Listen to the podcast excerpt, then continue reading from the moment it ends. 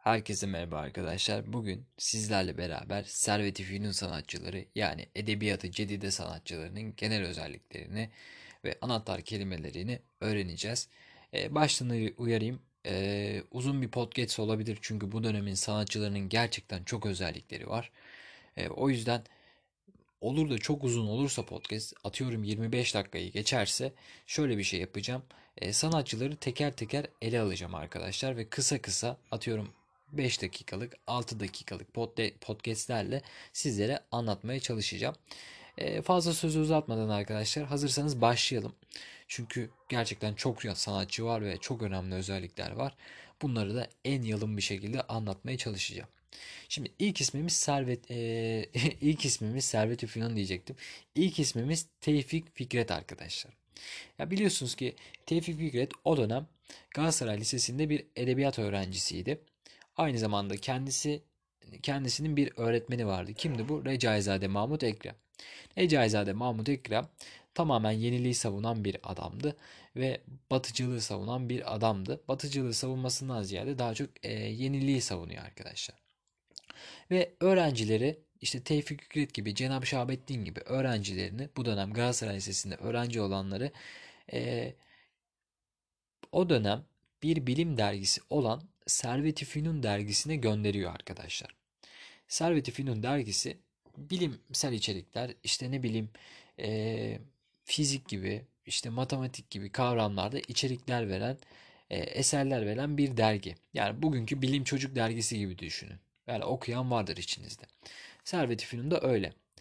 Neyse bu öğrenciler geldikten sonra dergi e, edebiyat dergisine dönüşüyor ve Derginin başına da Tevfik Fikret geçiyor arkadaşlar. Yani yönetmenliğine Tevfik Fikret geçiyor. Şimdi Tevfik Fikret deyince arkadaşlar bir kere şunu bileceğiz. Bireysel konularda eser vermiştir fakat buraya dikkat 1896'da kurulan e, Servet-i Fünun edebiyatı 5-6 yıl sonra 1901'de Hüseyin Cahit Yalçın'ın Edebiyat ve Hukuk makalesini çevirisinden sonra kapatılmıştı. Ki zaten o dönemler istibdat dönemi olduğu için çok, e, çok tepki çekmiştir bu e, makale ve dergi kapatılıyor. Haliyle bu süre zarfında 5 yıl boyunca 6 yıl boyunca bireysel konularda ve çok ağır konularda eserler veren Tevfik Fikret 1901'den sonra toplumsal konulara yönelmiştir. Hak, hukuk, adalet, hürriyet gibi kavramları eserlerinde işlemiştir arkadaşlar. Bunu baştan söyleyelim. Çünkü bu en önemli şeylerden biri sorularda da genelde bu şekilde geliyor yazarı tanıtırken. Onun dışında Tevfik Fikret Aruz'u Türkçe'ye e, şiiri de düz yazıya mükemmel bir şekilde uyarlamıştır. Şimdi Aruz'u Türkçe'ye uyarlaması gerçekten şiirleri çok kaliteli yapıyor. Bir kere bunu söyleyeyim. Onun dışında şiiri de düz yazıya yaklaştırması da şiirde bir olay anlatıyormuş gibi hissettiriyor arkadaşlar. Öyle söyleyelim. Ee, bu özelliğin bir diğer görüldüğü yazar ise Mehmet Akif Ersoy'dur arkadaşlar. Mehmet Akif Ersoy biliyorsunuz ki İstiklal Marşımızın yazarıdır ve kendisi aruzu Türkçe'ye başarılı uygulamış aynı aynı zamanda şiiri de düz yazıya yaklaştırmıştır. İkisinin bir e, tartışmaları oluyor. O tartışmada o tartışmadan da hemen bahsedeyim. Tevfik Fikret deist bir adam. Yani çok dinci bir adam değil. E, deizm hatta ateist olduğunu söyleyenler de vardır ama deizm olduğu son dönemde resmiyet kazanmıştır. E, deizm de şudur. Tanrı evreni yarattı fakat müdahale etmiyor. E, Mehmet Akif de biliyorsunuz ki çok dinci bir adam. İslamcı kimliği olan bir adam yazar. E, Tevfik Fikret'te bir e, münakaşalar oluyor. Bu münakaşada da Tevfik Fikret şöyle bir eser kaleme alıyor. Tarihi Kadim adlı bir eseri alıyor. Dini eleştiriyor arkadaşlar.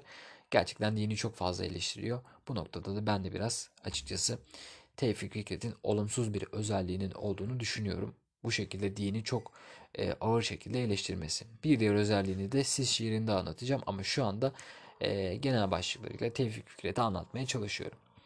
Şimdi Tevfik Fikret arkadaşlar onun dışında e, serbest müstezat, müstezatı da başarıyla uygulamıştır. Serbest müstezat da yine normal şiirden farklı olarak adı üstünde serbest bir müstezat, uyaksız, işte kafi örgüsüz bir müstezat olarak karşımıza çıkıyor. Kendisi arkadaşlar eserlerde realizm yani şiirde, şiirlerinde kullandığı parnesizm aynı zamanda e, sembolizm akımlarını kullanmıştır arkadaşlar. Bir de anjaman diye bir kavram vardır. Bu kavramı kullanmıştır Tevfik Fikret arkadaşlar. Tevfik Fikret hani demiştik ya çok e, muhalif bir adam. Bir tartışması da Ahmet Mithat Efendi ile oluyor. Ahmet Mithat Efendi Tanzimat birinci dönem sanatçılarından biri. Ve kendisi biliyorsunuz ki halka eğitmek için edebiyatı görüyor.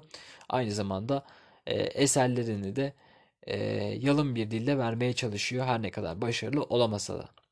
Ancak Tevfik Fikret ve Servet, e, Tevfik Fikret ve arkadaşları da e, Servet Fünun'da çok ağır bir dil kullandığı için ki bu sanatçılar genelde Fransa'dan geldikleri için e, Ahmet Mithat Efendi Servet Fünun sanatçılarına dekadanlar diyor. Dekadanlar demek şu demek. E, Fransızca'da eşeğin yavrusu, eşek, e, eşeğin bebesi anlamına geliyor. Kısaca bizdeki Türkçe e, karşılığı eşeğin sıpası, eşek sıpaları diyor. E, bu noktada Tevfik Fikret bu duruma sinirlenip bir eser kalemi alıyor. Yani eser kalemi aldığı dediğimiz e, bir yazı kalemi alıyor ve Ahmet Mithat'a cevap veriyor. Ahmet Mithat Efendi de herhalde e, bu eleştirisinden biraz aşırıya kaçtığını düşünerek Tevfik Fikret'e ve arkadaşlarından özür niteliğinde bir yazı, bir röportaj e, veriyor. Bu şekilde olay tatlıya bağlanıyor arkadaşlar. Onun dışında arkadaşlar e, hazırsanız Tevfik Fikret'in eserlerine geçelim. Çünkü gerçekten çok önemli eserleri var. İlk olarak Rubabı Şikeste. Tevfik Fikret'in ilk şiir kitabı. Anlamı kırık saz demek. Zaten rubab saz demek. Şikeste de kırık demek arkadaşlar. Rubabı Şikeste kırık saz anlamına gelen bir şiir kitabı yayınlanmıştır. İlk şiir kitabıdır bu Tevfik Fikret'in. Onun dışında Tarihi Kadim'i söylemiştik. Tarihi Kadim'de de Mehmet Akif Ersoy ile olan tartışmaları vardı ve dini eleştiren tartışmaları vardı. Kendisi bir de hece ölçüsüyle yazdığı arkadaşlar bir eseri vardır. Nedir bu? Şermin. Şermin'i şu şekilde yazıyor. Bir gün kendisi bir arkadaşının e, isteğiyle bir okula öğretmen olarak gidiyor. Bir ilkokula öğretmen olarak gidiyor. Burada gördüğü öğrencilerden etkilenip çocuklara bir Şermin adı altında hece ölçüsüyle yazdığı bir eser kalemi alıyor arkadaşlar. Onun dışında kendisi Haluk'un defteri adı altında bir de oğlunu anlatan ve oğluna e, öğütler veren e, eser kalemi alıyor arkadaşlar. Biz bunun örneğini de divan sanatçılarında kimde görmüştük? Nabi'de görmüştük. Biliyorsunuz ki Hayriye'yi yazmıştı. E, kendisi oğluna öğütler veriyor. Çocuklarına öğütler vererek Tevfik Fikret de bu noktada Haluk'un defterinde oğlu Haluk'a öğütler veriyor. Aynı zamanda dönemin çocuklarına öğütler veriyor. Bir de arkadaşlar Tevfik Fikret Siz şiiri vardır. Şimdi Siz şiirini anlatalım. Bu çok önemli çünkü. Bugüne kadar bizim gördüğümüz hep neydi? İstanbul'u öven şairlerdi. Sürekli İstanbul'u bir övme, İstanbul'u e, adeta Alice harikalar diyarına benzeten şairlerimiz vardı. Fakat Tevfik Fikret böyle bir adam değil. Tevfik Fikret istibdat döneminden nefret eden bir adam ve o dönemin padişahı olan e, Sultan Abdülhamit'in Sultan Abdülhamit'e karşı çok nefret besleyen bir adam. Haliyle de e, istibdat döneminde İstanbul'da işte sokağa çıkma yasakları, baskıcı bir rejim, işte askerlerin sürekli sokaklarda gezdiği bir dönem oluşuyor. Ve bu dönemde de insanlar dışarı çıkamadıkları için evlerinde işte bir takım fenalıklar yaptığı söyleniyor. Tevfik Fikret de bunu görüp siz şiirini kaleme alıyor, alıyor ve İstanbul'u gerçekten ağza alınmayacak şekilde eleştiriyor arkadaşlar. Çok ağır benzetmeler yapıyor e, siz şiirinde. E, aynı zamanda kendisi az önce de bahsettik Sultan Abdülhamit'e karşı bir nefreti var. Biliyorsunuz ki Sultan Abdülhamit arkadaşlar e, bir gün Cuma selamlığından çıkarken e, suikast düzenlenmek istiyor kendisine ve at arabasının altına bir bomba koyuluyor. Patlayıcı bir bomba koyuluyor. Fakat Cuma selamlığından çıkarken o dönemde Sultan Abdülhamit çok e, titiz bir adam olmasına rağmen ve çok dakik bir adam olmasına rağmen bir tane köylünün kendisini oyalaması üzerine at arabasına biraz geç biniyor ve bomba erken patladığı için padişah arabada olmuyor ve orada suikaste suikaste ölmüyor yani.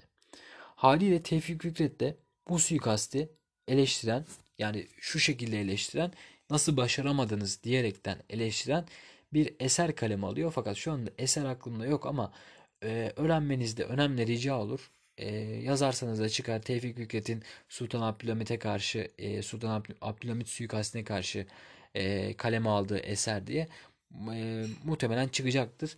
Bunu da öğrenmenizde fayda var. Neyse böyle bir eser kaleme alıyor ve Ermeni suikastçıyı övüyor. Aynı zamanda eleştiriyor. Nasıl öldüremedin diyerekçesinden. Arkadaşlar kusura bakmayın ama her ne kadar Tevfik Fikret çok başarılı bir adam da olsa e, o dönem Sultan Abdülhamit tarihin gördüğü en zeki adamlardan biridir. Osmanlı tarihinin en önemli padişahlarından biridir. Ve siz şöyle düşünün. Ülkenin her tarafı e, istilacılarla kuşatılmış durumda. E, siz baskı uygulamayıp ne yapardınız? Öbür türlü sizi öldürecekler. Sultan Abdülhamit de bunları yaptığı için çok eleştiriye maruz kalıyor. Zaten e, 1908 yılında da arkadaşlar kendisi tahttan indiriliyor. E, Yıldız Sarayı olayıyla mı yanlış bilmiyorsam 31 Mart olması mı gerekiyor? Öyle bir şeyde kendisi e, tahttan indiriyor, indiriliyor arkadaşlar. Bu noktada Tevfik Fikret'in olumsuz bir takım sergi, e, bir olumsuz bir e, tavır sergilediğini söylemek mümkün. Tevfik Fikret ile ilgili bilmemiz gereken özellikler bunlar arkadaşlar. Eserleri dediğimiz gibi Rubab-ı Şikeste, Tarihi Kadim, e, Şermin, Halikun Defteri ve İstanbul'u eleştiren Sis şiiri arkadaşlar. Bunları bilmemiz yeterlidir arkadaşlar. Geçelim bir diğer ismimize. Bir diğer ismimiz Halit Ziya Uşaklıgil. Halit Ziya Uşaklıgil kendisi bu dönemin en büyük romancısı. Aynı zamanda e, Türk edebiyat tarihinin batılı anlamdaki roman e, kurucusu olarak geçiyor arkadaşlar. Çünkü kendisi ilk defa batılı anlamda çok kaliteli romanlar kaleme almıştır. E, Halit Ziya Uşaklıgil. E, şunları bilmemiz gerekiyor. Halit Ziya Uşaklıgil ile alakalı. Mensur şiirin ilk örneklerini vermiştir. Yani düz yazı şiiri. Bu eserde arkadaşlar bu şiirde Mezardan Sesler adlı eserinde mensur şiirin ilk örneklerini veriyor Halil Ziya Uşaklıgil. Bir de kendisi biliyorsunuz ki naturalizm ve realizm akımlarından etkileniyor ve bu akımların etkisinde iki tane çok önemli eser kaleme alıyor ki bunların bir tanesini hepiniz biliyorsunuz. Birincisi Aşk-ı Memnu ve Mavi ve Siyah. E, bu dönem ilk modern romanlar olarak geçiyor bunlar. Türk Edebiyat tarihinde ilk modern romanlarıdır bunlar arkadaşlar. Aşk-ı Memnu'da biliyorsunuz ki Bihter vardır, Adnan vardır, işte e, Behlül vardır. Bunların arasındaki üçlü aşkı anlatır. May ve Siyah'ta da e, tam bu Servet-i dönemi sanatçıların özelliklerini benzeten yani hayal gerçek çatışmasını anlatan e, Mavi ve Siyah yani Mavi Hayaller Siyah Gerçekler adı altında bir eser kaleme almıştır. E, Halit Ziya Uşaklıgil.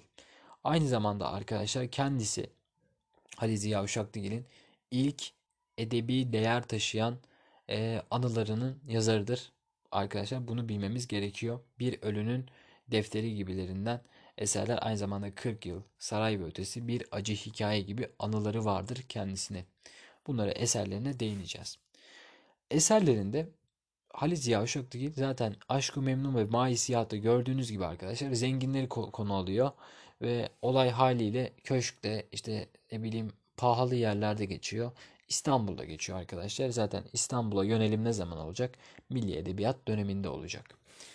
Onun dışında kendisi bireysel konularını işlediğini söylemiştik arkadaşlar. Bir de Halit Ziya Uşaklıgil'in bir dönem İstanbul'un dışına hikayelerle çıkmıştır arkadaşlar. Bunları da bilmemiz önemlidir kendisiyle alakalı. Kendisi arkadaşlar o kadar ağır bir dil kullanıyor ki Ali Ziya Uşaklıgil'in özellikle mavi ve siyahta e, bunu 5 kere çeviriyor. Yani kendi kendini arkadaşlar çeviriyor. Yani birazcık daha yazıyı hafifletmeye çalışıyor. Çünkü o kadar anlaşılmaz bir dil kullanıyor. O yüzden bu da önemli bir nokta kendisiyle alakalı. Konularda aşk, kahramanlık e, gibi kavramlar işliyor. E, roman tekniği bakımından da mükemmel romanlar yazıyor. Zaten batılı anlamda ilk romanları yazdığını söylemiştik. Onun dışında arkadaşlar hikayelerindeki dili romanlarına nazire, yap e, nazire yaparcasına daha sadedir. Çok ağır değildir. Hikayeleri okunabilecek düzeydedir. Şimdi Halis Ziya'nın eserlerine bakalım. Önce romanlarından başlayalım çünkü kendisi dönemin en önemli romancısı. E, birincisi Aşk-ı Memnu. E, Aşk-ı Memnu'da Hal- e, Bih- Bihter, e, şey Bihter diyorum, Bihter, e, Adnan, işte Behlül gibi kahramanların üçlü aşk çatışmasını iş- işliyor ki burada soya çekim de önemli. Kimdir? E, Firdevs olması lazım arkadaşlar. Firdevs de Firdevs'in e, daha doğrusu Bihter'in Firdevs'e benzediğini ne yaparsa yapsın e, Firdevs gibi olacağını söylüyor. E, soya çekimi özelliğinden yararlanılmıştır Aşk-ı Memnu romanında. Bir, bir diğer romanı Mavi ve Siyah. Bu romanda arkadaşlar edebiyatımızdaki batılı anlamdaki ilk romandır. Modern anlamdaki ilk romandır Mavi ve Siyah. Onun dışında Bir Ölünün Defteri, Kırık Hayatlar, Sefile, Ferdi ve Şürekası adı altında romanları vardır. Öykülerine baktığımız zaman Solgun Demet, Hepsinden Acı, Kadın Pençesi, Bir Yazın Tarihi yani Bir Edebiyat Tarihi adı altında bir eseri vardır. E, bu dönemde hiç tiyatro e, çok önemsenmemesine rağmen kendisi okunmak için tiyatrolarda kaleme almıştır. O da şudur Kabus, Fare ve Firuzan adı altında tiyatro örnekleri vardır. Kendisinin bir de anıları vardır Halit Ziya Uşaklıgil'in 40 yıl Saray ve Ötesi bir acı hikaye adı altında e, anı türünde eserleri vardır arkadaşlar. Şimdi bir diğer ismimiz yine bu dönemin en önemli sanatçılarından biri olan zaten iki sanatçısı var bu dönemin e, konu başlıklarında adı geçmesi ve e, ileri çıkan sanatçıları. E, bu da arkadaşlar bu sanatçımız da Cenap Şahabettin. Tevfik Fikret'le beraber bu dönemin en önemli sanatçıları, şairleridir. Roman anlamında da Halil Ziya Uşaklıgil'dir zaten. Şimdi Cenap Şahabettin deyince e, toplumsal konulara değinmediğini bileceğiz. Adam sanatı sanat için yapıyor. Bu noktada Cenap Şahabettin hani tam bir sanatçı adam. Kendisi tam bir şair. Çok kaliteli eserler veriyor ve şiirlerinde o kadar kaliteli ahenkler kullanıyor ki arkadaşlar. E, şiirlerini okuduğunuz zaman hissedersiniz sanki bir melodi kafanızda canlanıyor. Öyle bir kaliteli şiirleri var. E, kendisi ilk şiirlerini Saadet dergisinde yayınlamıştır arkadaşlar. Cenab-ı Şahabettin'in. Yani bu ne demek? E, olur da size işte Cenab-ı Şahabettin ilk şiirlerini Servet-i Fünun dergisinde yayınlamıştır diye bir bilgi verilirse bunu kolaylıkla düzeltebilirsiniz. E, ilk şiirlerini Saadet dergisinde yayınlamıştır Cenab-ı Şahabettin. Onun dışında kendisi Recaizade Mahmut'un etkisiyle Batı şiirine yönelmiştir. Zaten Recaizade Mahmut Ekrem'in öğrencilerinden biridir ve biz ne demiştik? Recaizade Mahmut Ekrem kulak için kafeyi savunuyor. Haliyle e, Cenab-ı Şahabettin de kulak için kafeyi savunmuştur. Eserlerinde kulak için kafiye kullanmıştır. Onun dışında e, Arapça ve Farsça yeni sözcükler almış. Dili çok ağırdır arkadaşlar. Bu dönemin sanatçılarının ve Cenab-ı Şahabettin'in dili çok ağırdır. Kendisi serbest müstezatı geliştirmiştir arkadaşlar. E, serbest müstezatı kullanan iki isimden biridir. E, birincisi de zaten neydi? Tevfik Fikret'ti. Onun dışında e, şiirde görülen realizm yani parnasizm ve e, sembolizm akımlarından etkilenerek eserlerini vermiştir. Zengin bir lirizm yani aşk, zengin bir aşk konuları dikkatini e, dikkatinizi çekmeli eserlerinde. Onun dışında kendisi bireyseldir. Yani topluma yönelmiyor adam. E, dergi kapatıldıktan sonra da topluma yönelmiyor. Hep bireysel türde sanat için sanatını yapıyor. Bu noktada kendisi tutarlı bir sanatçıdır arkadaşlar. Kendisi e, onun dışında Recaizade Mahmut Ekrem'in yanı sıra e, Muallim Naci, Paul Varliye gibi isimlerden de etkileniyor arkadaşlar eserlerinde. Bir de arkadaşlar e, Cenab-ı Şahabettin e, şimdi demiştik ki Servet-i Fünun'un en önemli yazarlarından biri. O yüzden eserleri de çok önemli olmalı. Haliyle eserlerine bakalım. Şiir türünde çok önemli çünkü bu dönemin en önemli iki şairinden biri. E, şiirde aklımıza gelmesi gereken önemli, en önemli dört tane şiiri var. Birincisi Tamat, Terane-i Mehtap, Seçme Şiirleri, Bütün Şiirleri adı altında e, şiir kitapları vardır arkadaşlar kendisini.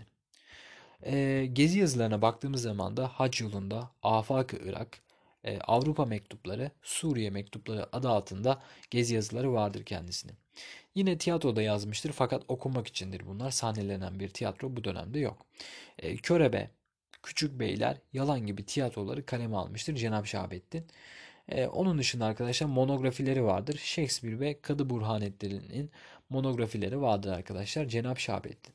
Cenab Şahabettin'le ilgili bilmemiz gerekenler bunlardır arkadaşlar. Aruzu başarıyla kullandığını, bireysel konulardan hiç şaşmadığını, dili çok ağır olduğunu ve bu dönemin en önemli iki sanatçısından biri olduğunu bilmemiz yeterlidir.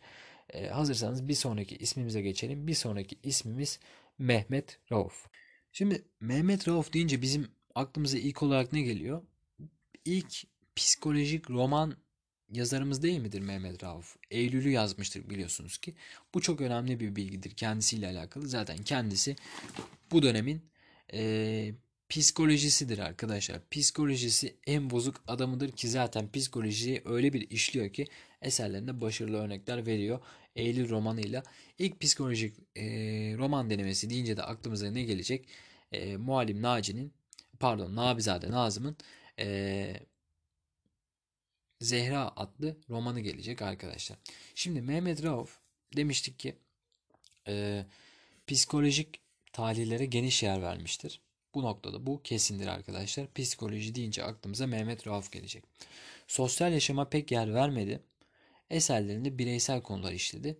Zaten e, bu dönemin en önemli sanatçıları hep bireysel konulardan devam etmişlerdir. Sadece Tevfik Fikret dergi kapatıldıktan sonra kendisini topluma mal etmiştir arkadaşlar. E, ilk psikolojik roman olan Eylül'ü yazmıştır. Gerçekten bu çok önemli bir bilgidir. O yüzden buraya can kulağıyla dinleyin. Eylül'ü Mehmet Rauf yazmıştır. E, oldukça yoğun bir Halit Ziya etkisi vardır kendisinde. Halit Ziya'dan etkileniyor arkadaşlar. Zaten Halit Ziya da dönemin en başarılı romancısı olduğu için bu çok doğal bir şey. E, kendisi e, abartısız ve sade üslubu olan yazarlardan biridir ki buraya dikkat arkadaşlar. Şimdi Mehmet Rauf psikolojik romanlar yazdığı için haliyle psikolojik roman zaten karışık, çok karışık şeyler. Anlamlandırması çok zor bir şey. O yüzden haliyle dili birazcık sade yapmanız gerekiyor. Mehmet Rauf da sade bir üslup kullanmıştır ki bu çok ender görülür serveti finunda arkadaşlar. O yüzden Mehmet Rauf bu noktada çok önemlidir.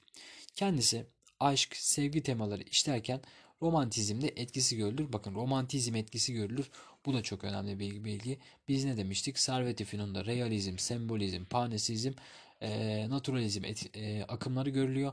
Fakat kendisi e, romantizm akımından da yararlanmış Mehmet Rauf. Bu da çok önemli.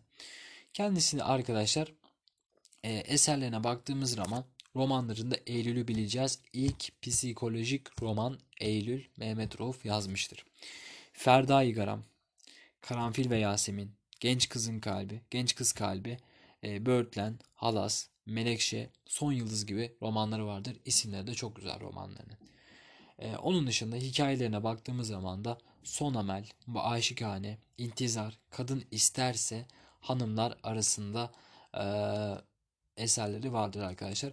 Mehmet Rauf hakkında bunları bilmemiz yeterlidir. Psikolojik roman yazdığını bileceğiz. İlk psikolojik roman olan Eylül'ü yazdığını bileceğiz. Eserlerinde sade bir dil kullandığını bu dönemde e, nadir görülen özelliklerden biri olup bunu kullandığını bileceğiz arkadaşlar. Hazırsanız bir sonraki ismimize geçelim. Bir sonraki ismimiz Hüseyin Cahit Yalçın. E, kral kendisi.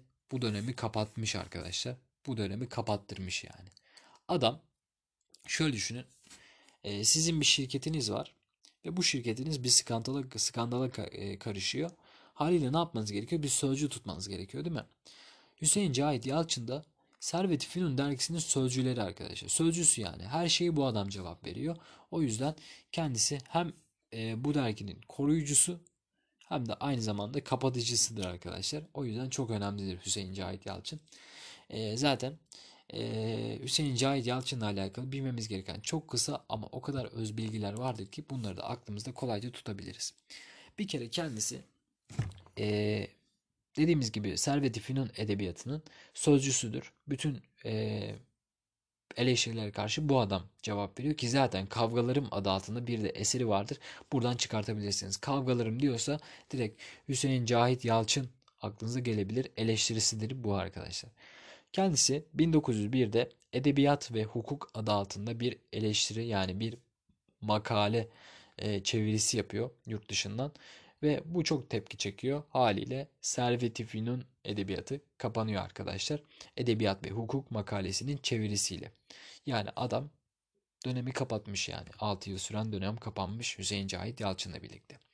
Bunun dışında çok bilmemiz gereken bilgilerinden hani romanlarına baktığımız zaman hayat içinde nadide öykü anlamında da hayali muhayyel adı altında bir e, eseri vardır Hüseyin Cahit Yalçın'ın arkadaşlar. Hüseyin Cahit Yalçın hakkında bu, bunları bilmemiz yeterlidir. Bu dönemin kapatıcısı olduğunu edebiyat ve hukuk makalesiyle, yani çevirisiyle bilmemiz yeterlidir. Onun dışında sözcü olduğunu, kavgalarım adı altında bir eser yazdığını, eleştiri yazdığını bilmemiz yeterlidir. E, şimdi bir sonraki yazarımız Ahmet Hikmet Müftüoğlu. Son iki yazarımız kaldı. Bu yazarlar da arkadaşlar zaten çok böyle üzerinde duracağımız yazarlar değil. Çünkü sadece eserleri anlamında bilmemiz gerekiyor. Ahmet Hikmet Müftüoğlu deyince romanlarından Gönül Hanımı, öykülerinden de Haristan ve Gülistan aynı zamanda Çağlayanlar adlı öykülerini bilmemiz yeterlidir. Onun dışında bu dönemin çok önemli sanatçılarından biri değildir. Bir de arkadaşlar Süleyman Nazif. Süleyman Nazif de yine Servet-i Fünun'da yazmıştır.